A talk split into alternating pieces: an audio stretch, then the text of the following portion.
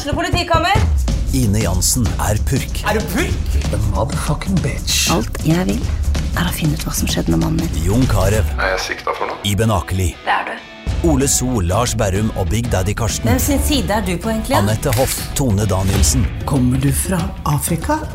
Jørnis Josef, Nesten. Kløfta. Trond Espen Seim, Det er synd å si det, men det var feil mann som døde. Purk. Premiere tirsdag på TV2 Play.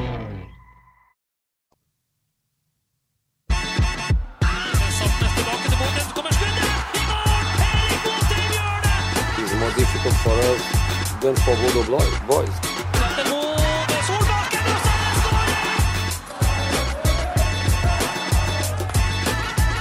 Let's enjoy it. Let's go. Hjertelig velkommen til eh, femte episode. Velkommen til Av Studio Glimt-podden. Mitt navn er Markus Rask Jensen, og med meg i studio når vi beveger oss fra hytteloftet i Beiarn. Og vi har kommet oss tilbake til det flotte studioet vårt her i Avisa Nordlands lokaler. Og der har vi Freddy Thoresen, også han ferdig med hyttepåsken. Og Stian Høgland, som har vært og reist og vært i Roma og kosa seg. og Kanskje ikke akkurat med kampen, men det var vel greit å være i Roma uansett, Stian. Jeg er glad i varmegrader, og det var varmegrader i Roma, så ja, det var bra. Og temperaturen var også veldig høy på Aspmyra i går. Eh, For hvis ikke du blir varma av det angrepsspillet som Glimt varta opp med mot Vålerenga, Freddy, ja, ja det, det vet jeg ikke. Ja, vet du, jeg hadde gleden av litt tidligere i dag, og eh, jeg har en god kompis i Trondheim som heter Gøran Sørloth. Og Gøran Sørloth var en angrepsspiller av beste merke både for Rosenborg og Viking og det norske landslaget. Han skal til helga eh, sørpå og kose seg med utgivelsen av den nye Drillo-dokumentaren som presenteres til helga. Og han, eh, det var bare én ting han hadde lyst til å snakke om. Fy faen, Bodø-Glimt var god mot Vålerenga.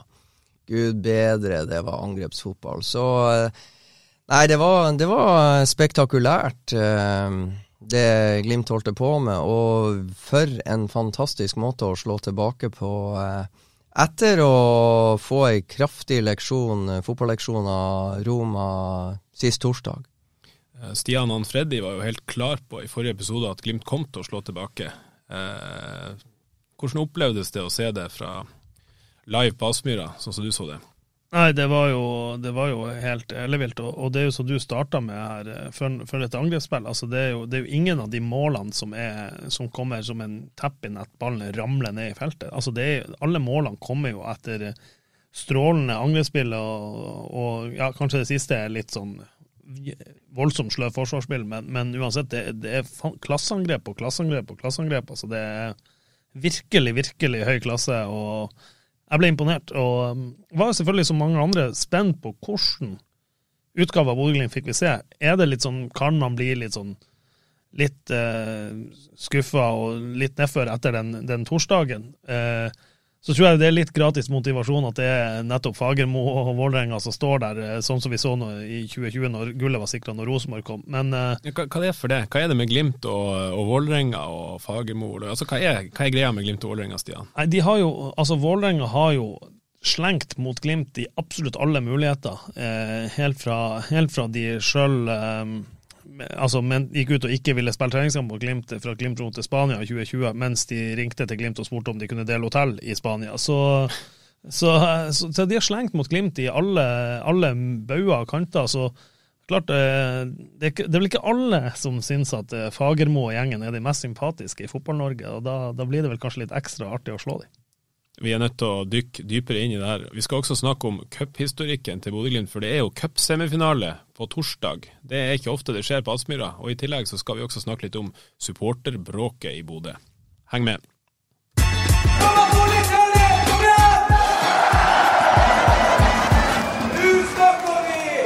Ja, Vi begynner jo selvfølgelig med Glimt-Vålerenga 5-1. Eh, og vi kan jo ta det helt overordna først. Bodø-Glimt var vel egentlig aldri trua. De har full kontroll, de spiller ut Vålerenga. Og til slutt, etter kampen, så sier Dag Eile Fagermo at det er klasseforskjell, ja det er divisjonsforskjell omtrent på lagene. Eh, har du hørt Dag Eile Fagermo så skinnflat og ydmyk i en intervjusituasjon på Aspmyra før, Freddy? Nei, jeg har ikke det, men jeg har hatt gleden av å intervjue Dag Eilif Fagermo før kamp flere ganger, både som Odd-trener og eh, også Vålerenga-trener eh, på Aspmyra. Og eh, Jeg kan jo ikke noe for det. Jeg har jo av, Innimellom har jeg veldig sansen for Dag Eilif Fagermo. Og måten han var brutalt ærlig på i går, var ekstremt kledelig. Og så tror jeg jo òg det er litt lettere å være såpass ærlig når du blir utspilt så til de grader. Men han, han slo jo fast på live TV etter kampen at uh, Bodø-Glimt holdt på en, mer eller mindre med en egen idrett. De tapte 1-0 mot Molde, Molde, altså borte. Molde var ikke i nærheten, så de skulle prøve så godt de kunne å konkurrere med de andre lagene i Norge. Og eh, der mente han at uh, Vålerenga kanskje hadde en fair sjanse. Og det som slo meg i går, var faktisk at eh, så sent som forrige sesong, Bodø-Glimt eh, kjempa om gull, så møter de et veldig veldig likt Vålerenga-lag, og de sliter seg litt til en 1-0-seier. Erik Botheim skåra vinnermålet midtveis i andre omgang. Og det var et Vålerenga-lag som, som, i fjor kom med egentlig akkurat samme taktikk sånn som de kom med på mandag på Aspmyra. Og måten dette Glimt-laget, da, etter 0-4 i eh, Roma, utspilte Vålerenga, og, og, måten skåringen kom på, og de samtidige bevegelsene, og, og, og måten de til slutt eh, demoraliserte Vålerenga, sånn at de i studio Amin Askar sa det fint på Discovery eller Eurosport eller hva det nå heter, at uh, det, det, han har vært med på det før, det samme Kristian Gauseth, og det er jo som å være på sirkus. Og til slutt så sitter du som eh, tilskuer og kikker på og har ikke noe sjanse. Så nei, det var, det var, imponerende, jeg må si det. Stian, hva er det som uh, skjer? Altså, Vålerenga går jo ut halvhøyt, vil jeg si. Uh, får ikke helt til å låse av Glimt i det hele tatt. Så faller de etter hvert, som veldig mange andre lag, ned på 30-40 meter. Hva er det som skjer mot Vålerenga som ikke skjer mot f.eks. Rosenborg, som gjør at Glimt bryter igjennom? Eh, jeg tror nøkkelordet er, som Glimt-spillerne sjøl sier, det er intensitet.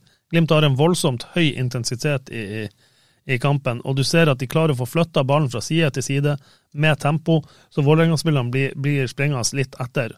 Og Etter hvert så blir man litt sliten, og så i stedet for at man er akkurat oppe i duellen, så kommer man eh, et millisekund for seint.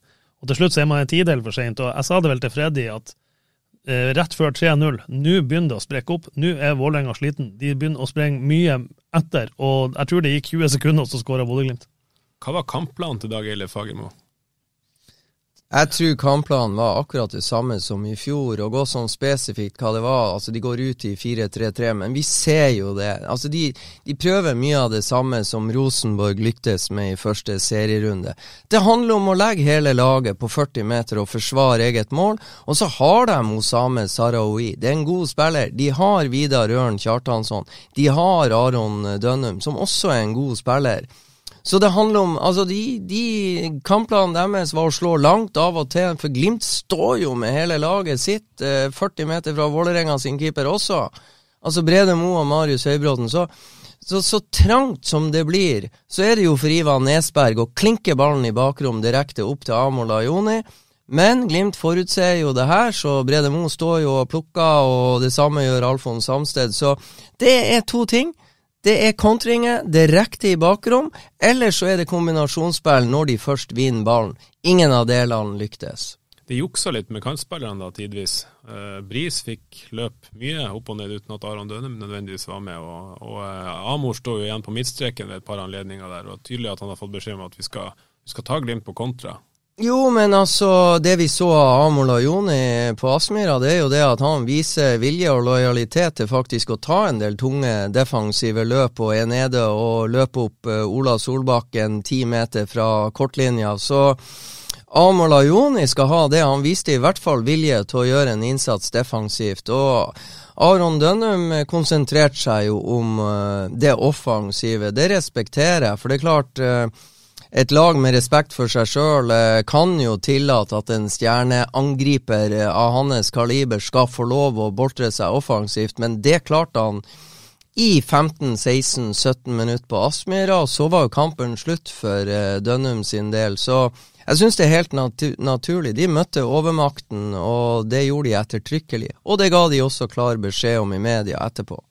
Stian, uh, Vålerenga virka jo veldig kjørt etter hvert, som du sier, allerede i første omgang, men særlig i andre omgang. Da var det jo tomt på tanken.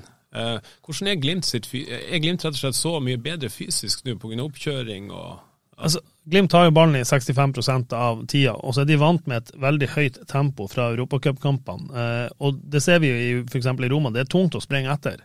Og på søndag, eller mandag så sprenger Vålerenga etter absolutt hele tida. Og, og det ser vi at da blir de sliten. For det er veldig mye tyngre å springe med, med, uten ball enn med ball. Ja, og så eh, var jo Kjetil Knutsen både før kamp og etter kamp veldig usikker egentlig på spørsmål hvor godt trent er, er laget hans. For de har egentlig ikke gjort annet enn å restituere og spille kamper. Det jeg leser ut av det, er at eh, dette Glimt-laget kommer bare til å bli bedre utover i sesongen som Runar Espejord har mer å gå på, Brisveen Bangomo har mer å gå på fysisk, Jaffet Seri Larsen har mer å gå på, og i tillegg, eh, ja, vi skal si at Vålerenga mangler Christian Borchgrevink, eh, rimelig solid, kan jeg kan heter Ja, han Christian? Ja, og Vegard Eg- Eggen Hedenstad på benken her. Vegard Eggen Hedenstad var også skada, så har du supertalentet Odin Tiago Holm. Men jeg tror ikke de tre der hadde hjulpet, for Glimt mangla òg noen. De mangla Morten Konradsen, de mangla Sondre Brunstad Fet, og de mangla ikke minst Amahl Pellegrino. Så det Glimt-laget her eh, kommer til å bli bedre, for etter hvert så de kommer inn i den normale rytmen uten Europacup frem til midten av eh, juli, da får de det akkurat sånn som de har ønska, og det de har bygd suksessen sin på. Harde, gode treningsøkter med stadig flere nøkkelspillere tilbake i fullt driv, og hyppige kamper både i serie og cup. Så eh, lykke til, sier jeg til enkelte motstandere fremover.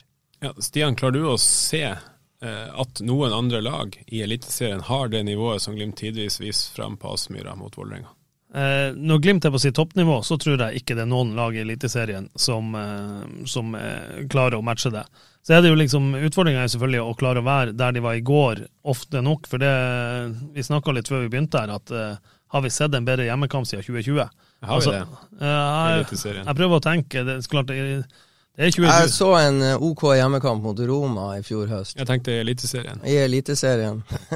Ja, da, det, jeg husker det. Jeg prøvde å tenke på det. Jeg, altså, det er jo den, det som faller seg naturlig å tenke på, er jo den Rosenborg-kampen 5-1 i 2020. Eh, Da er jo serien over, og det er jo kos. og Ja. sånt, altså det, Det var, det var selvfølgelig gode kamper i fjor også, men, eh, men det er ikke noen som ramler ned i hodet Nei, for det, det som var eh, veldig mange Altså, det var veldig mange kamper i fjor som var litt sånn som Vålerenga hjemme i fjor, hvor Glimt på en måte sliter seg til, til 1-0, og, og lag lå jo ekstremt lavt, og, og men det er jo det jeg føler Glimt har jobba på veldig mye på trening i år, Stian. Det vi så i Spania i oppkjøringa, det var å få de her Altså at Brisveen Bangomo og Alfons Samsted varierer med å komme på overlapp på utvendig, og et annet begrep, det var eh, Per Joar Hansen som satte meg på sporet av det. De kommer jo på en slags overlapp innvendig også, og når de kommer med den variasjonen der, da blir det jævlig vanskelig, samtidig som du har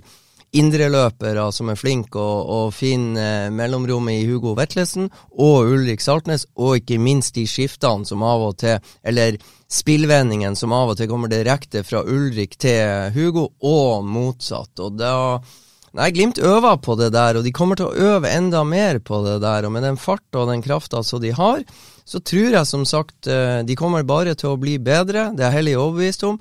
Men de andre lagene kommer også til å bli bedre. Kommer til å analysere Bodø-Glimt. Så det blir en, tål, eh, en tålmodighetsprøve, og både på hjemmebane og på bortebane. Men eh, de har mye skyts å komme, og alle lag Senest eh, Rosenborg lyktes jo til fulle med en defensiv, destruktiv taktikk. Har gode kontringsspillere som så mye som Glimt blottlegger seg defensivt med å slippe frem alle mann eh, i angrep, så er det poeng. Med gode kontringsspillere så er det mulig å straffe Bodø-Glimt. Det lyktes Rosenborg med i form av to langskudd. Eh, andre lag kan lykkes med det i form av gode kontringer. Så eh, Men de skal, ha, de skal ha en god dag. det var 2020-vibber. Ja, absolutt. Absolutt. Absolutt. Det er masse detaljer å ta med seg fra den kampen. En ting som jeg har bitt meg merke i, det er at uh, i oppbyggende spill så er Alfons Samstedt ganske sentralt og ganske høyt. Han, er eh, han, han er veldig ofte med å på en måte trekke seg inn i banen. Er det noe Glimt har jobba med, det å, å på en måte holde ballen sentralt lenge nok, sånn at det ikke blir låst av? Ja, altså, du hørte Kjetil Knutsen sa det faktisk i pausen i går, at ville ha backene smalere. Når, sier, hvorfor- hvorfor vil nei, han det? Han sier når de, han vil ha backene mer sentral, eller smalere når de angriper bredt. For når de backene kommer inn, så skaper de et overtall utvendig. Eh, så Direkte opp til Solbakken Ja. eller Komson. ja, så, så det, det jeg tror, det er at de vil For å ha isolere kantspillerne mot sin back da, og få fora ballen fram dit. Det det? Ja, men, men også når han sier at de skal skape overtall, så tror jeg han vil ha han inn sentralt. Og så når ballen kommer, så er det bedre å komme fra sentralt på en overlapp, enten på innsida eller utsida, for da har du to mot én, enn hvis du står ute der. Da er det lett å bare skyve over. Mm, ja. Står, han, står han mer sentralt, så må også Vålerenga sine indreløpere og kantspillere også litt mer inn sentralt for å, for å demme opp dette, i stedet for at du bare skyver hele laget over. Du får plutselig to problemstillinger samtidig hvis Glimt gjør det Kjetil Knutsen ber dem om å gjøre, eller sidebackene gjør det Kjetil Knutsen ber dem om å gjøre. For da kommer aksjonen ut mot eh, direkte opp til kantspiller, og da får Vålerenga sin defensiv to problemstillinger å forholde seg til samtidig, og da er det gjerne at eh, backen velger den eh, andre løsninga, den Vålerenga ikke har demma opp for, og da blir det vanskelig. Mm. Og så er det jo faktisk en eh, klassisk overlapp, da. En eh, god gammel overlapp som sørga for 2-0, kanskje et av de fineste angrepene i går, når Ola får ballen på venstre og Bris kommer som et godstog rundt der. og eh, Det Ulrik Saltnes òg gjør på den skåringa der, og Ulrik er vel kanskje Altså Endelig, det var Ulrik Saltnes på godt gammelt nivå, det der vi fikk se mot Vålerenga, altså. Ja, det er jo et C-moment av dimensjoner, skåringer, altså mottak, sett klistra på fot. Selvfølgelig eh, litt marginer akkurat der, Ulrik, men når magi margin er der, at ballen sitter klistra, det han instinktivt gjør med å vende opp og bare lure han inn i motsatt hjørne av det keeper slenger seg, det er jo bare så vakkert og instinktivt rett. Ja, så ser du han har bestemt seg, for han vet hvor avslutninga går før mottaket. Han, har, han snurrer bare og i en bevegelse omtrent legger den i hjørnet. Ja, det er så rytmisk og fint og vakkert. Og, Overhoppet på Vet- Vetlesen sin går lå. Ja, det, det er Han leser spillet der, og det er jo etter min vurdering kampens fineste angrep. Men det, det er jo som han skriver, det var jo så mange fine angrep at det er bare å velge og vrake, så vi kan jo velge hvert sitt. Og du velger 2-0, jeg velger 4-0. Hvem du velger, Stian? Jeg har også valgt 4-0. Men, men, men du ser også Ulrik på, det, på den avslutninga. Det er nok av folk som brenner til rett på keeper der. Altså, som du sier, Freddy, han bare vender opp og triller altså, i åtte kilometer i timen i mål. Altså, I Han er- stedet, i stedet for så enkelte ville gjort å og satt han i 90 km med på keeper. Han vet hvor han har keeper, så så han setter Så skal, jeg, så skal jeg benytte sjansen til å henge ut vår vaktsjef eh, Sindre Kolberg. For fire minutter etter at jeg sendte børsen i går, Stian, så, så ga jeg klar beskjed til godeste Kolberg at eh, jeg har sittet syv på Ola, jeg vil ha han opp til åtte. Kan du fikse det? Det er fire minutter etter at jeg har levert børsen ifra seg. Ja, det skal han gjøre. Jeg oppdaga nå før jeg gikk inn i studio at det hadde han ikke gjort, så jeg ser jo ut som en idiot, siden det er mitt navn på børsen. Men uh, når jeg tenker meg om, så kunne jeg jo satt han opp til ni. Så Ja, jeg er jo idiot allikevel. Du sa jo at du skulle gi han seks. Ja. Da fikk vi name-droppa Sindre Ja, Kolberg. sånne tabber kan vi ikke ha noe av. Nei. Eh, men du er, du er inne på noe veldig interessant. Eh, for timinga i at Ola Solbakken slår igjennom i fjor, sammenfaller jo med at han blir flytta over på høyrekant, spiller høyrekant. Mange har på en måte forklart hans forvandling med det. I går spilte han venstrekant. Jeg tror knapt jeg har sett han bedre på venstrekant enn det han leverer i går. Er det rett og slett det at han, rett, han er på et annet fysisk nivå, på et annet teknisk nivå nå, og har en selvtillit som er Han er bare en jævlig god fotballspiller. Om han er på venstre kant eller høyre kant, det har egentlig ingenting å si. Og han, eh, tydeligvis så funker ankelen som bare fy. Han har fått litt korona ut av kroppen. og Nei, fytte rakkeren for et monster av en kantspiller. Og eh, jeg bare allerede gleder meg til torsdag. Ja, nei, altså, så jeg, Du skal ikke se bort fra at den sykdomsperioden altså, at det har utløst ei formutløsning. For Han har trent steinhardt og kamp, kamp, kamp, og, og jobba hardt både i gymmen og, og på feltet når de gangene han har vært der. Og ankelen har fått hvilt bitte litt. Ja, så, så Det kan ha utløst en liten formutløsning. også det. Nå skal jo sies at Fredrik, Freddy, vi, vi sa vel etter et kvarter, et kvarter i går at eh, Ola har ikke starta bra. Nei, han, hadde, han hadde noen ballmist der i starten. Ja, han hadde, han hadde, to, han hadde to fantastiske initiativ. altså sånn, ah, Lykkes med, med et par C-momenter. Så kommer det lille A-momentet, som er det enkle, og da missa han, eller misforsto. Men eh, du verden, han ga svar på tiltale, Oh, og yes. involvert i de fire første målene. Så eh, fantastisk å Ja, se. det, det, det er artig når man For vi er, både vi og sikkert veldig mange på tribunen er jo sånn Å, herregud, må vi bytte han ut. Han er så, I dag har han ikke dagen. Og så bare, som du sier, svar på tiltale. For gud hjelpe meg den siste timen, eller siste ja, siste 40 minuttene Ola spilte. Helt Jeg synes det som var så sjokkerende bra i går, er jo det kombinasjonsspillet han er involvert i. Han har et par pasninger som han får, jeg tror det er fra Bris, eh, på venstrefoten.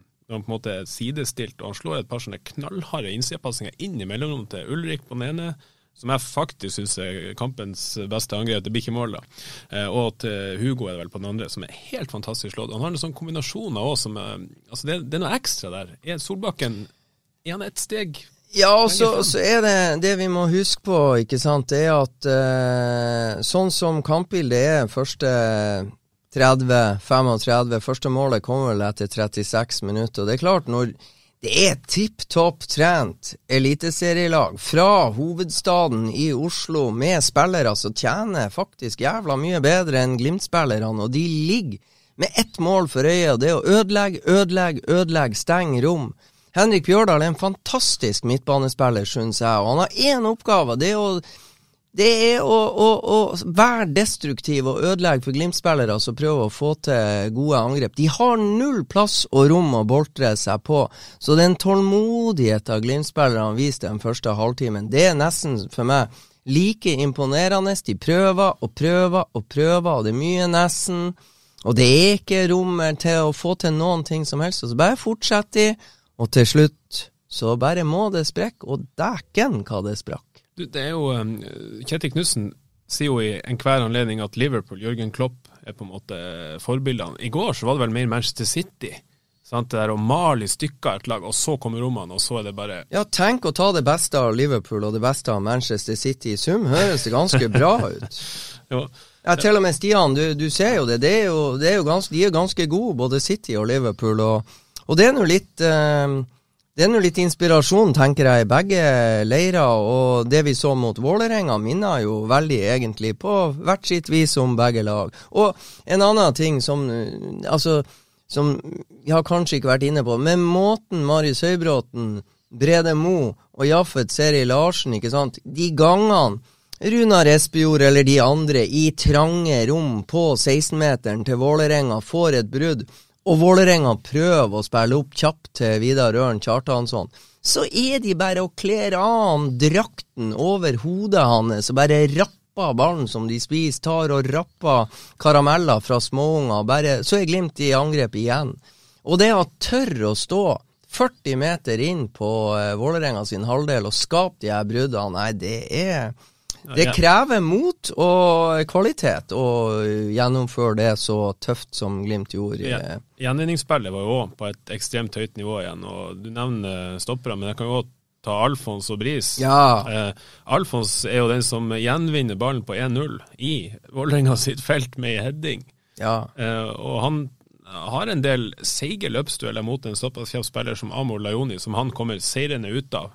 Og han er ekstremt god i det én mot én. Ja, og det, det er jo bare kanskje Norges beste dribler, Osame Sarawi. Han, eh, han eh, klarte å holde litt på ballen og drible av en mann eller to og holde Hver gang han hadde ballen, så hadde Vålerenga ro i fire, fem, seks, syv minutter. Osame ble jo sliten av å heppe rundt og skjerme og holde Glimt-spillerne unna, men du verden, han, han klarte ikke å skape så veldig, veldig mye. Det blir mye støtte, men han Ja. har ekstrem ballkontroll. Ja. Altså. Men det, det dere sier her, det er jo akkurat det som er nøkkelen i går. Det er, og, og som jeg syns mangler mot Rosenborg. Intensiteten og det gjenvinningsspillet. For Rosenborg fikk- fikk flytta ballen altfor høyt opp, så Glimt må sjøl springe ganske langt ned for de vinner ballen. Nå vinner de ballen på Vålerenga sin halvdel, og det blir et massivt, konstant press hvor Vålerenga-spillerne blir sprengende etter, etter, etter, etter, etter. Og du blir sliten, og som vi starta med, til slutt så er det 20 cm for seint. Det, det er en halvmeter etter, og da blir rommene akkurat de Glimt vil ha. Og så har vi jo en uh, kar som kommer inn her, eller et par stykker. Vi har snakka om Jafet tidligere i denne poden, Jafet Seri Larsen. Men Sondre Sørli er jo tilbake. Uh, og gjør kanskje sitt beste, det beste vi har sett av han siden skaden. da. Han har et fantastisk innlegg til Runar Espejord. Han har et raid nå spiller han Ola Solbakken, slår en tunnel der. Eh, og han har en, et sånt trøkk i spillet som på en måte, som er veldig godt å se. da. Er det sånn at Sondre Sørli kan begynne å fighte om en startplass utover våren her? Ja, det ser jeg ikke bort fra. Nå har vi sagt at vi vil ha han på venstreback, som er et godt alternativ der.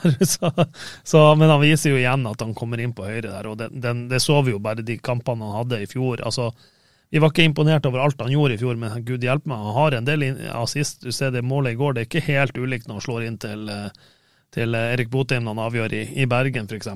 Mm. Nei, altså Sondre kan melde seg på, og det, det er det som er så, så fint. Du har eh, plutselig så ja, Gilbert Komson eh, syns jeg gjør veldig mye bra, spesielt den viljen til å innordne seg systemet og den defensive jobbinga og presspill og kvelertak og innsats og fart og kraft i returløpene sine. Det er vanskelig å være motstander, og da handler det bare om at han har litt eh, flaks og marginer og treff på eh, aksjonene han gjør offensivt. Men klart, med, med, de ferdighetene han har, så er det jo et helsike å være venstreback, uansett om han lykkes eller ikke. For venstrebacken vet jo ikke om han lykkes med pasninger eller driblinger eller hva. og Jeg har sjelden sett han suta. Han har imponert meg litt, han eh, Vålerenga sin venstreback. Men så problemer som han hadde med å forholde seg til Gilbert Komson eh, mot Bodø-Glimt, det det var en fryd å se, og det betyr da at de har Gilbert Komson på høyreving potensielt, de har Sondre Sørli på høyreving potensielt, de har Ola Solbakken på høyreving potensielt. Alle må da være et sant helsike å møte for motstanderne. Og så har du motsatt. Amahl Pellegrino potensielt. Ola Solbakken i den formen han var i går, så mm. Nei, du snakker om, altså. Og så har du, ikke sant, på topp, Runar Espejord, og når han har slitt ut motstanderne sine stoppere, så kommer altså beistet fra Nigeria inn og skal terrorisere dem. Så det er mye å passe på samtidig. og Vålerenga, er det én ting eh, de i hvert fall har fått skryt for de siste årene, så er det at Jonathan Tollåsen Nation og Ivan Nesberg er blant Eliteseriens beste stopperpar. De hadde trøbbel i går.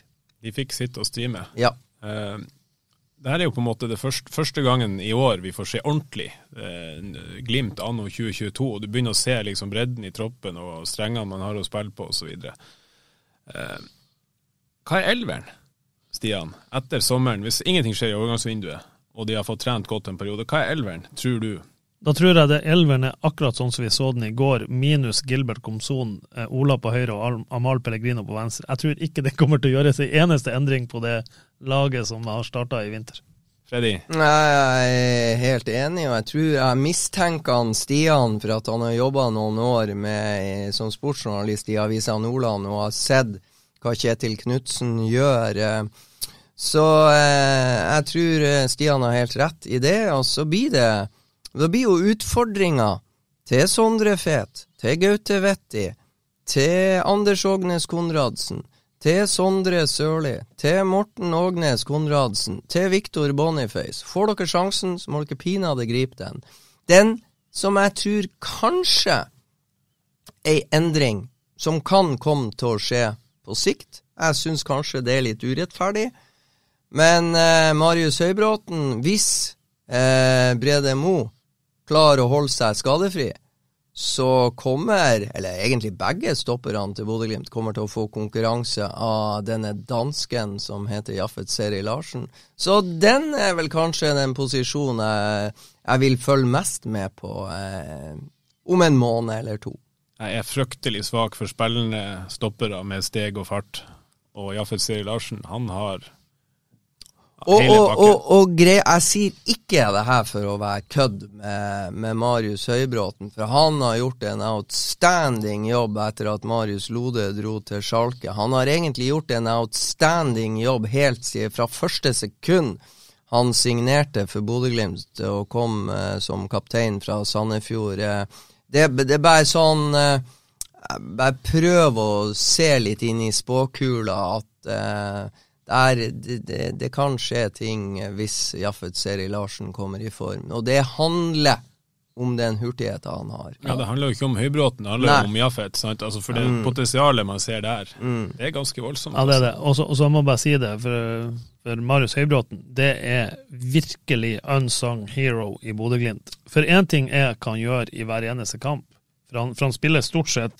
stort sett bra, men det er en av de som fullfører ja, jeg sier 90 minutter på hver eneste trening. Han står aldri av et minutt på trening. En trendsetter på trening. En av de tråkker til, sørger for å holde folk på tå hev. Har vært eh, Marius Høybråten, jeg vil si faktisk ei åpenbaring i Glimt-troppen siden han kom til Glimt. For han har ikke sutra ett eneste sekund det året han spilte masse fotball og var god i 2020, og rett ut av laget med en gang Brede og Marius var var frisk. Enormt. Ja, jeg er helt enig med han Stian. Og Marius Høybråten og Alfons Samsted eh, fullfører samtlige treninger. De er på en måte trendsettere, det er full pinne hver gang, og de står. Og der, der er noe av nøkkelen. Det er klart, det som skjer de som holder ut og får loggført de siste 20 minuttene i hver bidige Glimt-trening, det er jo da de som er litt sånn skada, står av og skal spares og skal dit og datt.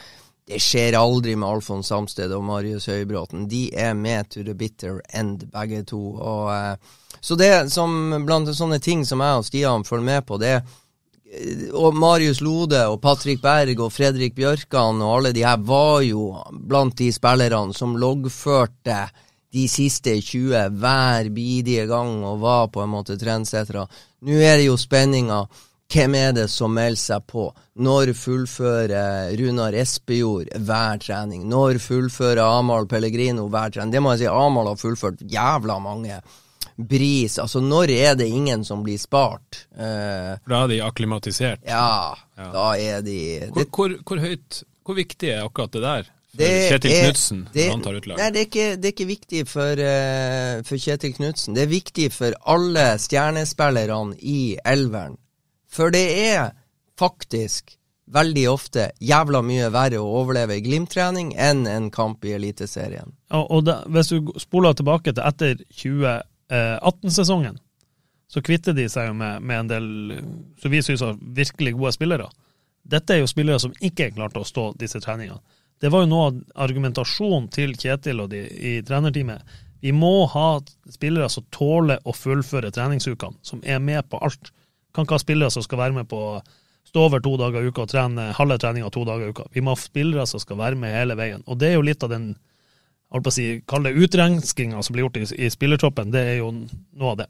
Ja, og så, og så handler det om å heve terskelen til hver enkelt spiller høyere og høyere og høyere og høyere. Og det er det å tåle intensiteten og det klimaet som skapes på eh, trening eh, for Glimt. Og derfor er det steike bra å få Morten Konradsen tilbake i full trening. Sondre Brunstad Fet tilbake i trening, for de gutta der plager alle motspillere i hver situasjon på trening, og det gjør jo at Runar Espejord må være nøye, mer nøye med mottak og vendinger og pasningsvalg, Ola Solbakken må være mer nøye, Ulrik Saltnes må være mer nøye, og sånn er det. Det er en vi ikke har snakket om i det hele tatt nå, men det er jo en som er definitivt prega i hvert fall andreomgangen, og, det er jo, og for så vidt første omgang, men det er jo Hugo Vetlesen, som jo òg ser ut som han er på en sånn trappestige som bare Ja, hvor slutta den? Ja, nei, Hugo, Hugo har vært eh, enorm i, lenge. Altså, se antall målpoeng til Hugo. Altså, jeg hørte, jeg hørte Kenneth Fredheim og Discovery sa i går at Ulrik Saltnes i siste to eller tre sesongene har et målsnitt på 0,6 Målpoengsnitt. målpoengsnitt på 0,6. 0,6 per kamp. Det er enormt. Ja, Hugo Vetlesen han er ganske høyt der òg. Han har to mål i går, og han har assist. Eh, han skåra mot Celtic, han har skåra ellers i Skåret begge- begge mot Celtic. begge mot Celtic. Altså, Hugo skåra i fjor høst. Hugo Vetlesen er jo en, en av hovedgrunnene til seriegullet. Eh, to mål, eller skåra mot Molde, skåra to mot Haugesund, matchvinner mot Sandefjord hjemme. Nei, Hugo, det, det toget der kan gå så vanvittig langt. og eh, ja, Allerede i går begynte riksmedia å begynne å spørre om eh, hvor lenge blir i Glimt skal han selges. Så da skjønner man jo. Jeg tror han blir en stund i Bodø-Glimt, og eh, det er helt rett. Jeg har en sånn fornemmelse. Jeg tar med AGF Forhus i eh, Spania, jeg tar med Elfsborg i Spania. Det var jo de imponerte jo meg og Stian mer mot Dynamo Kiev enn de gjorde mot uh, AGF og, og Elfsborg, men absolutt alt Glimt skapte i uh, Spania, bortsett fra uh, treningskampen mot Dynamo Kiev, som Hugo ikke spilte, var starta med en sånn genial, geniale ting av, av, Hugo. Enten med ei spillvending motsatt, eller at han var tredje sist eller nest sist til sjansen som ble skapt. Og det fortsatte jo på Celtic Park. Det er fortsatt hjemme på Aspmyra. Det er fortsatt hjemme mot Alkmaar. Det er fortsatt borte mot Alkmaar. Så Hugo har vært med på ekstremt mye av det Glimt har skapt offensivt så langt i 2022. Det som er gledelig, nå er det ganske mange flere som har meldt seg på i å skape ting. Ja, og så, Freddy, sånn, I fjor så ble han jo brukt litt eh, holdt på å si, mot eh, alles vilje som kant, når, når Glimt hadde alle kantspillere skada. Ja, Tell målpoengene til Hugo da. Match, mm. assist når Botheim skårer borte mot Lillestrøm. Han har assist i et par kamper i Europa som er ekstremt viktig. Han har det, En assist han ikke får, det er jo overhoppet borte mot eh, Pristina, som Erik Botheim eh, setter i mål. Altså, Hugo er så involvert i målsjanser som jeg ikke tror det er mange andre i norsk eliteserie som er. Han er nummer ti, drakt nummer ti. Han er vel han er Glimts boksåpner.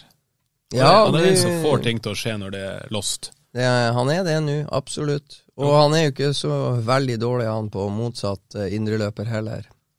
Drakt nummer ti forplikter alltid i fotball. Det vet alle som er vokst opp med Maradona og Pelé og Messi og hva de ikke heter alle. og Det er vel bare én drakt som forplikter mer i Bodø-Glimt, og Hugo er en spiller som kunne ha fått nummer sju òg. Det har Pelle nå. Ja, og så er det, og så er det jo når du da når du da har Sondre Fet og Anders Konradsen og Gaute Vetti i bakhånd, så eh, ja, du har litt å en, Ja, det, de har et arsenal. Har Glimt hatt bedre tropp noen gang? Nei. Nei. Det er tidenes beste Glimt-tropp i 2022. Ja, det er veldig mye som tyder på det. Og det er òg litt sånn fleksibilitet i den troppen, som, som, også Glimt har vært flink på. For ikke sant, jeg har en mistanke om at nå så vi Sondre Sørli på eh, høyre ving, og jeg tror eh, Jeg ser ikke bort ifra at han Vest Bris Wembangomo trenger en liten pause. Jeg ser ikke bort ifra at eh, Sondre Sørli blir bedt om å ta en kamp og teste seg som venstre back. Og Gaute Vetti har spilt sentral midtbane og midtstopper. Og Bris Wembangomo er egentlig en høyreback. Og Morten Konradsen, når man spiller høyreback, venstreback eller indreløper Nei, det er ikke sant, Ola Solbakken høyre eller venstre, det er jo bare vel og vrak. Ja, for Seri Larsen kan spille på begge backer. Ja. Altså, altså, den bredden Glimt har nå, det, det, er 100 sikkert. Glimt har aldri hatt den bredden de har nå. Vi snakker om Runar Espejord, vi snakker om Victor Boniface som spisser. Ja, En av de som imponerte oss mest på trening i vinter, er jo Lasse Nordås. Han er jo tredjevalg som spiss. Ja. Eh, du, har, du, har en, du, har, en, midtstopper som, som vi ikke nevner engang eh, som spilte 20 kamper fra start i Eliteserien i fjor, i Isak El Samuelsen. Han må spille mot Innstranda, for han er femtevalg som stopper i mm. Bodø-Glimt. Kanskje sjettevalg til og med, bak Kautokeino. Ja, ja, så, har vi, så har vi Sigurd Kvile som, som liksom annenhver Han må bare ta ei sånn mental eh, sperre. Annenhver kamp så er han steingod, og annethvert innhopp så er han lettere Eh, sånn eh, litt luggeføre, for å si det sånn. Men han er ung og er inne i den her treningshverdagen til Bodø-Glimt, så han kommer jo til å lære og tilpasse seg og, og bli forrykende en eller annen gang, også han. Så det er jækla mye å spille på. Og vi har glemt unge Fredrik Sjøvold, som, mm. eh, som også spilte en god kamp mot Innstranda i Nordlandshallen, og er en meget spennende unggutt som vel bare er 18 år. og det indreløper først og fremst? Han, han er eh, egentlig sentral midtbanespiller, men spiller nå indreløper. Og uansett hvor mye indreløper han spiller, den dagen han, den dagen Glimt har tjent astronomiske summer på Elias Kristoffersen Hagen og Gaute Vetti, ser jeg ikke bort ifra at hærføreren på midtbanen til Bodø-Glimt er unge Fredrik Sjøvold. Og når han selges ut, så kommer Patrick Berg hjem. det var de neste årene. Da skal vi prøve å legge bort den fantastiske opplevelsen på Aspmyra, og så skal vi snakke litt om det som skjer førstkommende torsdag.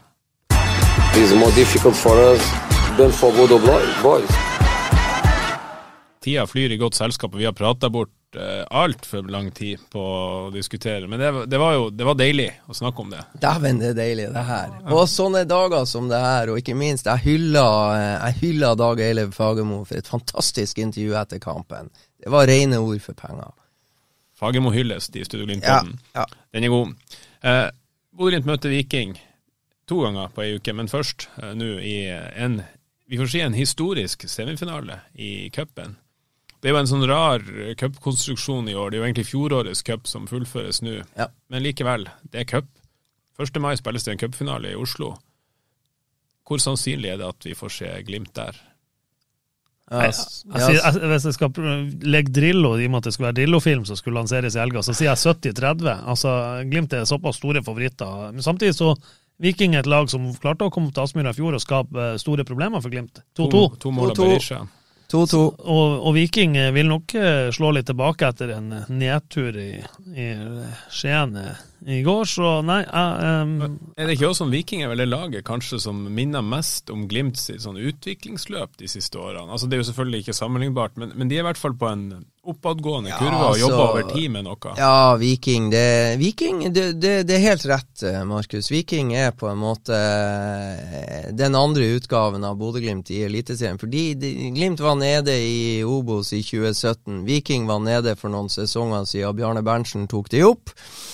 Og etter at de kom opp, så eh, har de Tripic og Kabran og Berisha, og, og de har en god midtbane, og de har fått seg en eh, stopperduo som er offensiv og liker er, er ballsikker og liker tre ganger gang midtbanen. Så det er veldig mye likt, og Viking er tror jeg er et av lagene som kommer til å havne topp tre i eh, Eliteserien denne sesongen, hvis de får lov å holde seg skadefri. Har en sånn fin blanding av eh, gammel rutine, eller eldre og litt rutine, uten at Berisha og gutta på topp der er så gamle. Men vi har noen, eh, noen unge midtbanespillere og et uh, spennende lag. Men uh, eh, knallsterk, ikke sant. Rosenborg eh, spiller 1-1 mot Sarpsborg. Viking vant 1-0. Viking vant vel 1-0 også mot Ålesund. Og så tapte de nå i Skien for et ganske godtgående Odd-lag. Så Viking har skapt vansker for eh, Glimt tidligere. Men eh, jeg tror de må være steike gode for å ta dette Glimt-laget, for jeg tror de spilte på seg litt eh, selvtillit etter denne kampen. ja, altså Viking, Viking som klubb har gjort ekstremt mye rett med han Bjørne, unge, ung daglig leder, og, og Kjartan Salvesen. Jeg ser, jeg ser de, de, de gjør mye artig rundt kampdag. De, de har klart å få folk tilbake på, i Jåttåvågen på stadion. Og, nei, Har du sett eh, drakten deres i år? nei, Den det, tredje drakten med, med masse supporternavn på. Ja. Sesongkortholdere inskribert på trøya i miniatyr. Altså, det er Det er fantastisk. det er råtøft. Altså, Viking har gjort eh, ekstremt mye bra de siste sesongene, både på og av banen. og eh, Det kommer til å bli en knalltøff kamp, men eh, det er klart at man går jo for det double i 2021 for Glimt. Ja, det første det double hadde vært artig. Og det er jo den niende semifinalen Bodø-Glimt skal spille. Og det de fire første semifinalene endte med seier til Bodø-Glimt. De vant i 75. eh, Ja, det var jo Viking i en berømmelig kvartfinale hjemme på Aspmyra med 12 033 tilskuere. Det er gjeldende publikumsrekord på Aspmyra. og det er jo noen som eh, stiller de, et lite spørsmålstegn ved tellesystemet på Aspmyra da eh, portene ble åpna etter enormt trøkk den gang i 75, så det spørs vel om ikke det var enda litt flere enn 12.033 som var innafor. Men det ble 2-1 til Bodø-Glimt. Jeg mener det var Jakob Klette og Arne Hansen som skåra. Så kom Start i semifinalen. 1-0, og Stian, hvem skåra? Stula Solhaug. Hvor kommer han fra, Markus? Han kommer fra Mørkve i Lofoten, Fredvang omtrent. Eh, ikke Fredvang, sorry, nå nå råter jeg. Han kommer fra Mørkve i Lofoten, eh, like ved Sund. Godt å høre. Dere kan historien dere. 77 ble det 3-0 hjemme, eller 3-0 i semien mot eh, Steinkjer. 93 4-2 borte mot Brann. 96 var spesielt. Da var det to kamper. Kongsvinger borte, Stian. Ja. Hva det ble? Nei, det husker jeg ikke. Nei, det ble avgjort på bortebane. 5-1 endte det, og så ble det 2-0 i returen hjemme på Aspmyra. Så en kamp du husker bedre, 97, også hjemme og borte. Første gang Bodø-Glimt tapte en semifinale. Ja, da vant de vel eh, 2-1 hjemme mot eh, Godset, og så eh, tok vel Jostein Flo og egenhendig kvesta 97% av Glimt-laget og, skåra et par mål og vant 3-1 i Drammen. Helt rett. eh, Smekka ut Ørjan Berg først, Cato Hansen deretter. 3-1. eh, Kynisme snakker vi om. Ja da, kynisme. Og så den verste kampen i Glimt-historien er dekt på bortebane. 2000 borte mot Odd 04. Semifinale. Legg merke til ikke sant, to semifinaletap på rad. Så kom det en semifinale på Alfheim i 2003. Hva den endte? Sneik ikke Glimt seg til en helt rolig, kokrolig 3-0-seier. Det var vel det roligste den dagen, for det var vel en, ei lita feiring i Bodø by etterpå som var verre. Ja, det var det. Så Hvem som putta? Hvem som putta 1-0 André Hansen, 2-0 Olav Råstad, 3-0 romkompis Jan Egil Brekke! Og der er en fin en. Jeg må ta den her i denne podkasten. Jan Egil Brekke sier til sin gode venn og romkompis Olav Råstad på kvelden før kampen, så sier han du eh, Olav, det her kommer til å gå bare godt. Eh, jeg gjør oppmerksom på at Brekke kommer fra Finnmark, så han har litt sånn mystiske emne, evner. eh. Det kommer til å gå bare, bare godt, det her. Både du og jeg kommer til å score, og vi kommer til å vinne.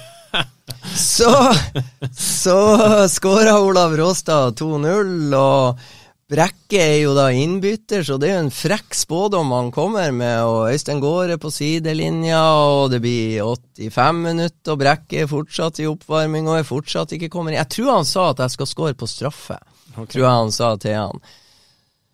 Eh, 87 minutter eller noe sånt, så tror jeg Brekke kommer inn, og så eh, går det ett minutt eller to, og så eh, blir det ikke straffe. Men Brekke skyter inn 3-0 for Bodø-Glimt, og gå og se reprisen av den skåringa der. Den skuddet avfyres nærmest ifra straffemerket, så det ble som Brekke sa. Råstad skåra, Brekke skåra, Glimt gikk til cupfinale, som de tapte for Rosenborg. Jeg tror, det var, jeg, tror, jeg tror at det var 500 mennesker som møtte opp på flyplassen i Bodø når Bodø-Glimt landa her. Det er noe av det villeste opplevelsen jeg har vært med som sportsjournalist noensinne. Eh, å se hvordan flyplassen i Bodø så ut da. Ja, fantastisk. Etter eh, semien, eller? Etter semifinalen. Etter semien, ja. Ja. Og også etter cupfinaletapet var det masse flere hundre som møtte opp, men det var ikke samme stemning. Nei, så det var ikke sånn to semifinaletap og så en seier. Og så har Glimt hatt ett semifinaletap. Borte mot Rosenborg i 2016. Røkka ned. 0-2. Kåre Ingebrigtsen trener. Det var eh, Det er jo helt absurd at de var i en semifinale. Ja, helt Det absurd. var, det var jo to Rosenborg-tap der på bare et par uker som, som eh, forsegla ja, mm. skjebnen til den sesongen der. Altså. 0-2 i semien og 1-2 i serien, og nedrykket var klart. Og nå kommer altså Viking på torsdag. Det blir steike spennende. Er det, telte du, sa du antallet, er det niende semifinalen? Det er niende semifinalen Bodø-Glimt spiller. Skal vi se. Én, to, tre, fire, fem, seks, syv, åtte. Niende semifinalen Bodø-Glimt er involvert i. Men da har jeg ikke tatt høyde for i 96 og 97, da det ble spilt to kamper. Neida, de Og de jakter sin sjette finale. Ja. Og de finalene her, her er vi jo inne på Vi har snakka om en hyggelig kapp mot Tromsø, men jeg må jo ta Det er jo mitt store barndomstraume. Eh, Jeg har jo slekt fra Tromsø. Du, eh, Er ikke vi, vi ferdig med den? vi, har hatt, eh, vi har hatt Ole Martin Årst som gjest i et Studio Glimt på Aspmyra etter for øvrig en, eh, en uavgjortkamp eh, på, As, eh, på Aspmyra mot Vålerenga. Da var Ole Martin Årst og Davy Vatne gjester, og eh, Årst fikk én regel. Du eh, får lov å si hva du vil, men det er ett tema vi ikke diskuterer på Aspmyra. Det er cupfinalen i 1997. Så sier jeg til Årst jeg forklarer at jeg er programleder, og han er ditt, og han er datt, og Arild Berge er ekspert, og Raymond Limstrand Jacobsen tar imot spørsmål på Twitter. Og så sier jeg der er jo en liten mulighet for deg, hashtag Studio Glimt. Så står vi nå der og har det steike bra på Aspmyra. Så kommer det, så setter jeg ordet over til Raymond Limstrand. Har du fått noen spørsmål fra seerne? Ja, jeg har fått et spørsmål fra en som kaller seg Ole Martin Årst. Han lurte på om eh, hvordan det var å eh, avgjøre cupfinalen mot Bodø-Glimt eh, tilnærmet på overtid og sikre Tromsø et cupgull, og da snur jeg meg bare til Ole Martin Norst og sier kanskje det er best at du svarer på den. og så svarer han den så jeg ikke komme. Nei, Så det- må vi snakke om det. Nei da, men vi kan slå fast at det var aldri hands på Runa Berg på 1-0. Nei, det var ikke Nei, det. Og hvis det er hands, eh, og du dribler fem-seks spillere etter handsen og setter ballen i mål, så bør det egentlig være tilgitt. Tenker det. Jeg er Men ok, usikker da på om jeg hadde tilgitt det, men eh, det er greit. Da, da rippa vi ikke opp i det. og Så husker jeg veldig godt når vi tapte mot eh, Rosenborg også. Stig Johansen skåra tidlig, og man tror at det her er, her er det faktisk muligheter. Ja, for da de, I den perioden der så spilte Glimt ofte veldig gode kamper mot Rosenborg. Men Rosenborg skåra først, og det var liksom det som var liksom mantraet. Vi må få det første målet mot Rosenborg. Da er det de som får bli stressa og sånn. og bla, bla. bla. Mm. Glimt fikk det første målet, det hjalp ikke da heller. Men altså, fem finaler i historien til Bodø-Glimt, og da, da, da kan vi jo ta med at, eh, at to av de kommer jo rundt, eh, rundt det legendariske 75-laget, 75 og, 77. og 77. Uh, og så kommer to i den andre gylne perioden på 90-tallet. Uh, og så er det liksom Det er 20, 2003 og 2016, 2016 er det noen som husker det? Altså Det er jo Nei. kollektiv depresjon rundt det der. Ja. Det, det, er jo, det er jo litt dimensjoner på det her. Og, altså Tenk å få dra til Oslo på cupfinale igjen. Ja, det må jo være en gigantisk nedtur. eh, Men igjen, de, de møter et jævla godt uh, vikinglag. Og jeg vet ikke, Stian, var det noen utfordringer på, på Viking karantenemessig etter uh, kvartfinalen? Det var vel eh, kjære Markus som hadde regna seg frem til at Kabran eh, må sone, blant annet. Han var i like mye bråk som Vålerenga-supporterne virka å ha vært i Bodø i går og krangla litt med noen motspillere på KFUM, så han må vel stå over ja, med et rødt kort, mener jeg. Ja. Og så ble vi enige om her i forkant av sendinga at Tripic, som måtte gå av banen eh, i siste serierunde for Viking, sannsynligvis blir klar, og det er jo viktig for dem. Det er jo Ja. en, en Veldig, veldig god fotballspiller. Ja. Så, så det er et eh, Viking har eh, de samme egenskapene som vi så Olav Skarsheim, eh, Carlo Holse, Noah Holm hadde i første serierunde her, at når de ligger i en defensiv jernring, så har de fotrappe spillere som altså, er i stand til å skape vansker i, i kontringer. Men det er Glimt-spillerne forberedt på. Stian poengterte at det ble 2-2 på Aspmyra. Glimt eh, var hakket bedre på høsten da de vant 3-1 eh, vel i Stavanger etter en fantastisk eh, brasseskåring av Amahl Pellegrino. Så var vel Ola Solbakken og serverte Erik Botheim på tampen. Så Eh, Glimt vet i hvert fall hvordan de skal kneble Viking, så det blir kjempeinteressant. Men alle håper jo på en eh, liten Oslo-tur. Og jeg hører rykter om at både hotellprisene er dyre og flyene begynner å bli full, så eh, vi får se om det blir et jag etter både billetter og det ene med det andre etter torsdagens kamp. Min samboer har bursdag 1. mai. Den blir lei. Den blir seig å komme seg på, altså. Ja. Bursdagen, Bursdagen, ja. eller kampen. Bursdagen, selvfølgelig. Det er jo ikke runddag, hun blir jo bare 30. Vet, vet hun at den skal feires i Oslo? Jeg har ikke sagt det til henne. Hun, hun hører ikke på podkasten. Nei, Nei, jeg skulle til å si, jeg skjønner at hun hører ikke på podkasten. Ja. Vi skal eh, se, se litt tilbake på litt utenomsportslig etter en kjapp pause. Nå forstår dere forhåpentligvis hvor stort det som skjer på torsdag er. Men vi må snakke om noe litt småkjipt også, straks. It's more difficult for us than for Bodo boys. Ja, Stian. Bodø-Glimt er det en eh, lite gjestfri klubb å komme til som bortesupporter? Det ble hevda ganske hardnakka i går.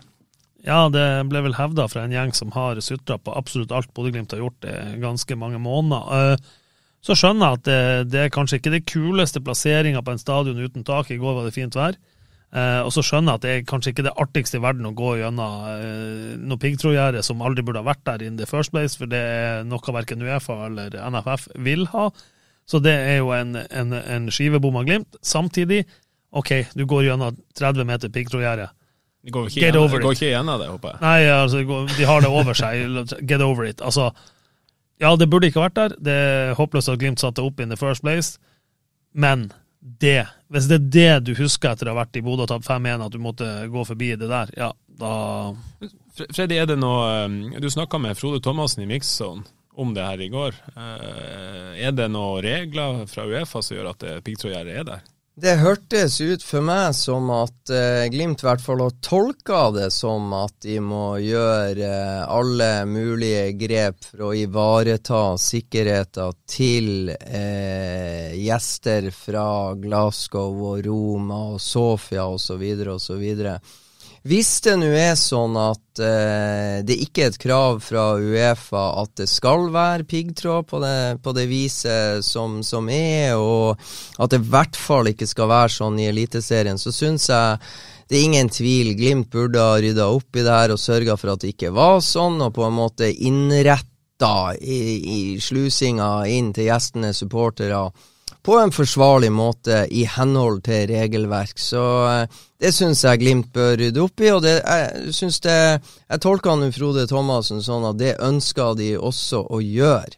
Eh, så, så, jeg syns jo det er synd at eh, det ble som det ble. Men det var vel en 30-40 Vålerenga-supportere som kom inn, og eh, jeg syns det blir litt sånn her norsk at uh, det er jævlig fort å la seg krenke. De går 20-30 meter med noe sånn piggtråd rundt. Ja, gå nå inn og drit i piggtråden og kom deg på tribunen. Der har du nå god plass, og du får se det du ønsker. og jeg skjønner ikke hvorfor det skal gå an å bli så provosert og så fornærma over en sånn fillesak, og det er på en måte lille Norge i et nøtterskall. Her skal vi altså Jeg skal gi VIF-fansen, VIF-klanen eh, Jeg har alltid syntes at de har hatt jævla mye bra for seg.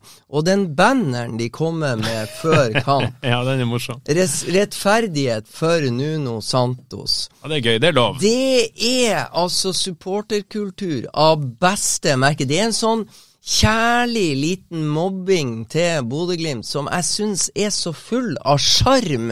Ikke hat. Det er sjarm, det er vittig, det er humor på høyt nivå. Det syns jeg er helt fantastisk.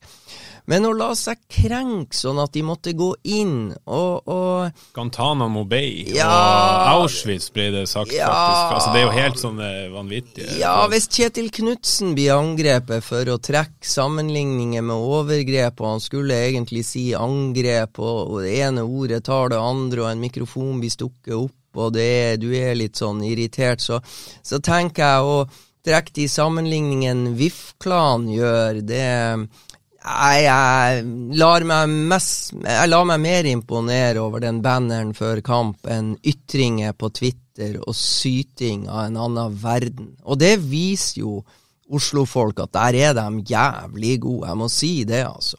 Stian, det, var, det, har vært noen, noen, klubber her. Det har vært jeg skulle til å si, nynazister i gatene våre her fra Sofia. og Det har vært eh, Roma og det har vært eh, diverse klubber. Celtic. Det var masse, flere hundre skotter som omtrent smugla med seg sprit vel på tribunen og var i kjempehumør etterpå. Ikke så rent lite sprit heller, men eh, det gikk jo bare godt. De var jo fornøyd. De hadde jo noe god drikke å varme seg på i kalde Bodø-natta, og eh, det ble jo ikke så voldsomme opptøyer av den grunn. Det var, det var, risikosupportere, blir de kalt, de som kommer fra Roma annet, og Sofia sin men, men, ikke noe bråk. Og så kommer Vålerenga i går, og så er det så er det bråk hele veien. Og det er jo ikke bare Bodø-Glimt som får, uh, får skyllebøtter. Jeg får jo lokalt politi passet sitt påskrevet. Um, er, du, altså, er, det her er det god supporterkultur, det, det klans representanter holder på med i Bodø? Nei, hvis alt som vi er blitt gjenfortalt, eh, og, og de videoene ja, vi, må ta, vi, må jo ta, øyde ja. for at det Nei, så syns jeg jo ikke det. det. Da er det liksom, eh, som Freddy sier her, har du huska på følt deg krenka i dag? Altså, for, for, for, altså nå liker nå jeg å tro at jeg stort sett er et snilt menneske. Eh, og jeg har aldri opplevd noe, noe, trøbbel med politiet. Og jeg har aldri opplevd at politiet bare kommer og hiver folk i bakken eller gjør ting uten at de har en, en skjellig grunn til det. Og, og om VIF-klanen mener at de ikke har tatt et skjerf og brent det fra en tolvåring, så tror jeg jo at politiet er nødt til å reagere hvis de får et tips om at det har skjedd. Så er de nødt til å faktisk gå og konfrontere dem med det. Altså, Hvem skal du stole på? Skal du stole på tolvåringen, eller skal du stole på de som eh, de voksne som står der, eh, som sikkert har kosa seg litt på bar først. Ja, episoden du refererer til, er altså det at uh, VIF-supporterne er da beskyldt for å ha tatt sjefet til en tolvåring og vel et flagg også, og tent fyr på et av de i, i opptakten til kampen. Og så er det jo trefninger mellom Vålerenga-supporterne eh, og politiet. både, Det observerer jeg sjøl når jeg går til kamp. Både i Hålogalandsgata, Professor Skyttes vei, og eh, ved inngangen til stadion. Der, står, der er det munnhuggeri og ganske sånn ugrei stemning mellom politiet og Vålerenga-supporterne. Og det, det, det, det, har i hvert fall ikke jeg sett i noen av de andre kampene, når disse, disse storlagene med sine, med, med sine supporterkulturelle greier kommer til, til Bodø. Nei, jeg registrerer at det var eh, en del Roma-supportere som var på besøk i Bodø. og Etter å ha tapt 6-1, så er flere av de observert i supportershoppen på Aspmyra for å kjøpe seg en suvenir dagen etter for å ta med seg til Italia. Det samme gjentar seg etter at Bodø-Glimt har slått Roma 2-1 i første kvartfinalekamp. En god del eh, Roma-supportere vandrer til Aspmyra for, eh, kanskje ikke sånn superhappy med resultatet, men de skal også ta med seg en suvenir hjem med en, et flagg eller en vimpel eller et skjerf eller en drakt. Men, men eh, så må jeg si at eh, jeg syns faktisk det er Hva er han heter han politimannen som uttaler Vegard Kristiansen? Ja. Jeg syns faktisk en politimann som har noen år på baken og en del fotballkamper på baken, er langt mer troverdig enn en talsmann fra uh, VIF-klanen som sitter i Oslo og gjengir på Twitter til hele verden det han hører fulle kompiser gjenfortelle fra Bodø. Altså, det, kall meg en idiot, kall meg en naiv satan, men jeg syns på et vis at kredibiliteten og troverdigheten til en polititjenestemann er hakket mer eh, tillitvekkende for meg enn en VIF-supporter på tur fra Oslo til Bodø. Men jeg poengterer kanskje jeg er en naiv satan som tror det. Jeg må bare si det med Roma-supporterne. Etter den eh, 2-1-tapet her nå i høst, så eh, min kjære mor var på hytta vår på Saltfjellet, og de møtte hun tre smekkfulle busser eh, utafor hytta, eller i nærheten av der vi parkerte hytta. Og Det viste seg at det var da Roma-fansen som leide tre-fire busser, skulle opp på Saltfjellet, for de var, det var så kult å være i nord at de skulle på, på reinsafarier, og de skulle se på nordlys, og de skulle skulle og, og, bade i snø, og hva de ikke skulle gjøre. Så, det, så de kosa seg i Bodø. Det, det, er kanskje for mye forlangt å, å forvente at uh, klanen skal kjøpe Glimt-trøye og dra opp på Saltfjellet etter kamp. Jo, jo, jo, kom an. Det, det, er sol. Det er, sol. det er for mye forlangt, helt klart. Og jeg tar mange flere sånne herlige stikk til Bodø-Glimt, som den fantastiske banneren eh, de viste før kampen. Det syns jeg er supporterhumor på sitt beste. Og der er på en måte VIF-klanen også steike gode, har de vært i mange år. Jeg husker en annen historie fra, fra en eller annen hjemmekamp på, på jeg vet ikke om de spilte på Ullevål eller Bislett, eller hvor de har jo hoppa litt bane nå. Det er i hvert fall ikke Intility, for det har jo knapt vært folk på Intility og, og heia på, på Vålerenga etter at den banen ble klar. Men de lå under 0-4 hjemme. Jeg tror det var mot Rosenborg. Og Vålerenga-fansen står der og synger 'Vi taper aldri' og det er 80 minutter. Jeg syns det er så herlig. Så de har jævla mye bra med seg, men det er jo andre generasjoner VIF-klan det her, da. Men får jeg spørre dere om en ting? Eh, jeg er ikke, jeg er ikke verdens mest, mest bereiste bortesupporter. Jeg har ikke vært på så fryktelig mange bortekamper som fotballsupporter. En og annen har jeg vært. Men når Glimt er å vinne seriegullet i Mjøndalen, så er det jo all slags folk. Det er jo folk som, altså det er jo familiefolk, og det er jo folk som sikkert er ganske fulle, og sikkert er uten at de har Litt av hvert. Ja, en god blanding. På J-feltet nå, der det endelig begynner å bli litt folk, endelig er det jo litt folk på Aspmyra. Ja. Uh, så er det jo Er ikke litt av clouet at det er et inkluderende miljø, at du kan være der uansett? Må du reise fra Oslo andre påskedag direkte dritings og, og havne i klammeri? Altså, det er jo mulig å unngå det, uansett hvem som har rett og galt. Og, altså, er det en, en supporterkull?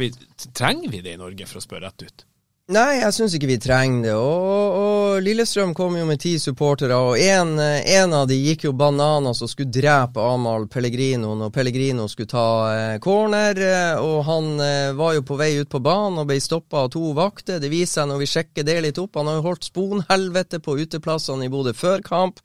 Han fortsatte etter kamp, og han holdt på under kamp. Jeg tror ikke LSK-supporterne syns det er så steike stilig. og eh, jeg holdt på å si eh, Jeg syns uh, VIF-klanen har hatt mye bra med seg, men at jeg ser jo, De var jo ikke så voldsomt gamle. De har sett en video altså, fær og skal brenne flagg og stjele skjerfa smågutter nede i byen. Altså, jeg, jeg, jeg, blir ikke så imponert. Jeg må bare si det. Hvis det er det det handler om, å stjele, eh, å stjele skjerfet til en hjemmesupporter på tolv år og leke faen til feieren når politiet kommer, jeg, jeg blir ikke imponert. Og eh, jeg syns faktisk ikke synd i de. Når jeg hører det jeg hører, så syns jeg faen ikke synd i de at de må gå forbi noe piggtråd heller.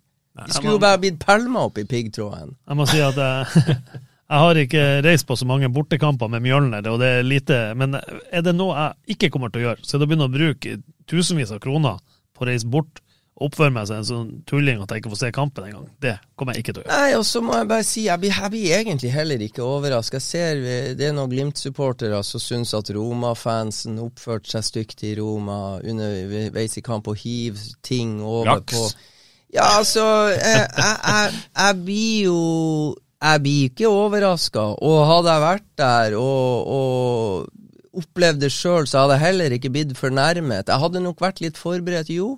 Sånne ting skjer eh, faktisk eh, ute i den store verden, om du vil det eller ikke. Men jeg hadde vært forberedt på det. Men er det Og- noe å trakte etter? Er det ikke bedre at vi kan gå på kamp og ta med ungene på kamp? Og... Jo, selvfølgelig, men eh, ikke 70 000 kontra 5000. Altså, det blir jævlig mye mer synlig når 20-30-40 stykker kommer opp fra Oslo. Det blir veldig synlig. Eh, jeg syns ikke det er så tøft at de står der og viser fingeren, og det Jeg syns heller ikke det er stilig når Glimt-fansen gjør det, og jeg klarer meg Ja, jeg syns bluss er steike tøft. Jeg syns bluss er steike tøft. Jeg så ikke et bluss på Aspmyra i går. Jeg klarte av en eller annen merkelig grunn så klarte jeg å glede meg over at jeg fikk lov å se Bodø-Glimt spille propagandafotball og vinne 5-1. Kall meg idiot, men jeg klarte å glede meg over det, selv om jeg ikke så ett jævla bluss på J-feltet. Stian, trenger du bluss for å gå på kamp? Nei, eh, jeg gjør jo ikke det. Jeg, men samtidig så er jeg helt enig i at eh, bluss i høres ut som politiker, men bluss i kontrollerte eh, former, det syns jeg er råtøft. Og når det brukes riktig og tø med Men det er mer sånn som Runar Espejord, at jeg vil se fyrverkeriet på Aspmyra, for det syns jeg er drittøft. Og som han sier, at det var det, Han må hjem og se videoen for han får fra mora av fyrverkeriet på europacupkamper, for da er det før spillerne kommer ut.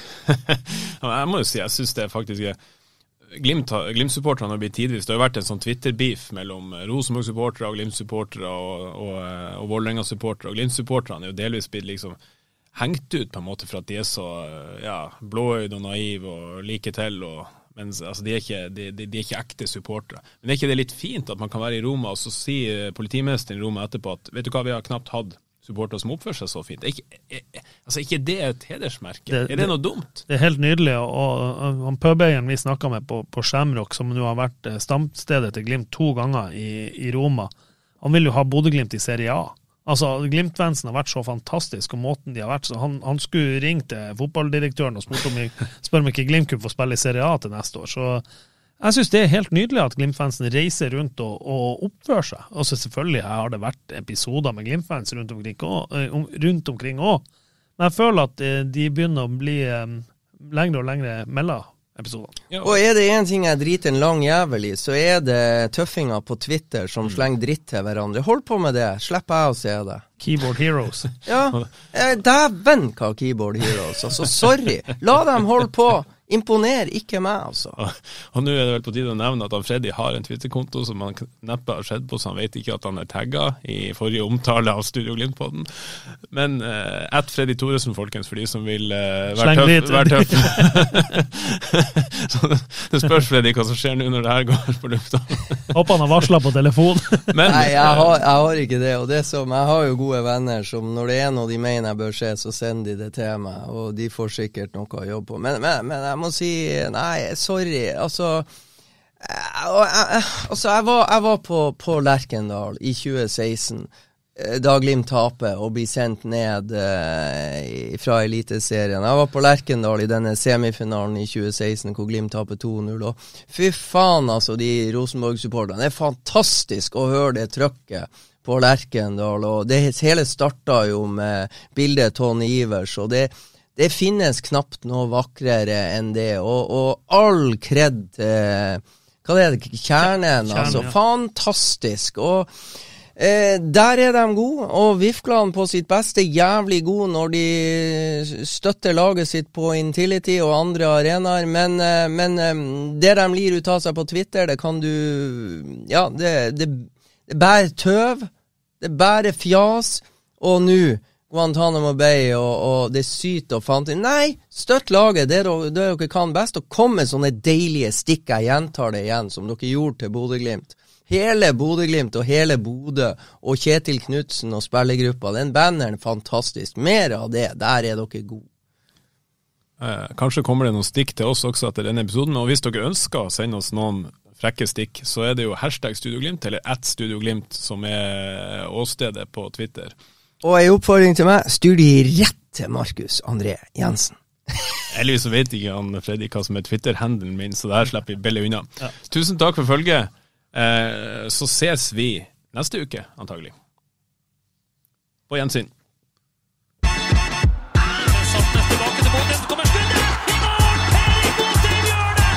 More difficult for us than for Bodo boys.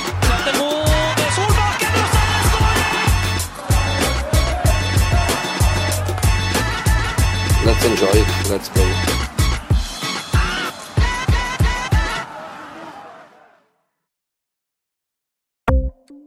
Ukens annonsør er HelloFresh. HelloFresh er verdens ledende matkasseleverandør og kan være redningen i en travel hverdag. Mange av oss har nok vandret i butikken både sultne og uten en plan for middagen, som ender med at vi går for de samme kjedelige rettene gang på gang. Middag burde være dagens høydepunkt. Som HelloFresh kan du nå velge mellom 25 ulike retter hver eneste uke, eller få HelloFresh til å sette sammen menyen for deg. Dette gir deg muligheten til å prøve nye og spennende retter alene eller sammen med familien. Du velger antall porsjoner og får alt levert på døren på et tidspunkt som passer for deg. Oppskriftene er enkle, og maten er lett å lage både for store og for små. Ved å få alt levert hjem får du også mer tid til å dele matgleden med familie og venner. Kanskje det frister med asiatiske tacos eller greskinspirert kylling? Da kan jeg anbefale deg om å gå inn på hellofresh.no. Her kan du bruke koden FOTBALL og få opptil 1779 kroner i rabatt på de første fem matkastene hvis du ikke har prøvd HelloFresh tidligere. Du kan også bruke rabatten hvis du har vært kunde og stoppet abonnementet ditt for tolv måneder siden eller lengre. Gå inn på hellofresh.no og bruk koden FOTBALL. Har du et enkeltpersonforetak eller en liten bedrift? Da er du sikkert lei av å høre meg snakke om hvor enkelt det er med kvitteringer og bilag i fiken, så vi eh, gir oss her, vi. Fordi vi liker enkelt. Fiken superenkelt regnskap.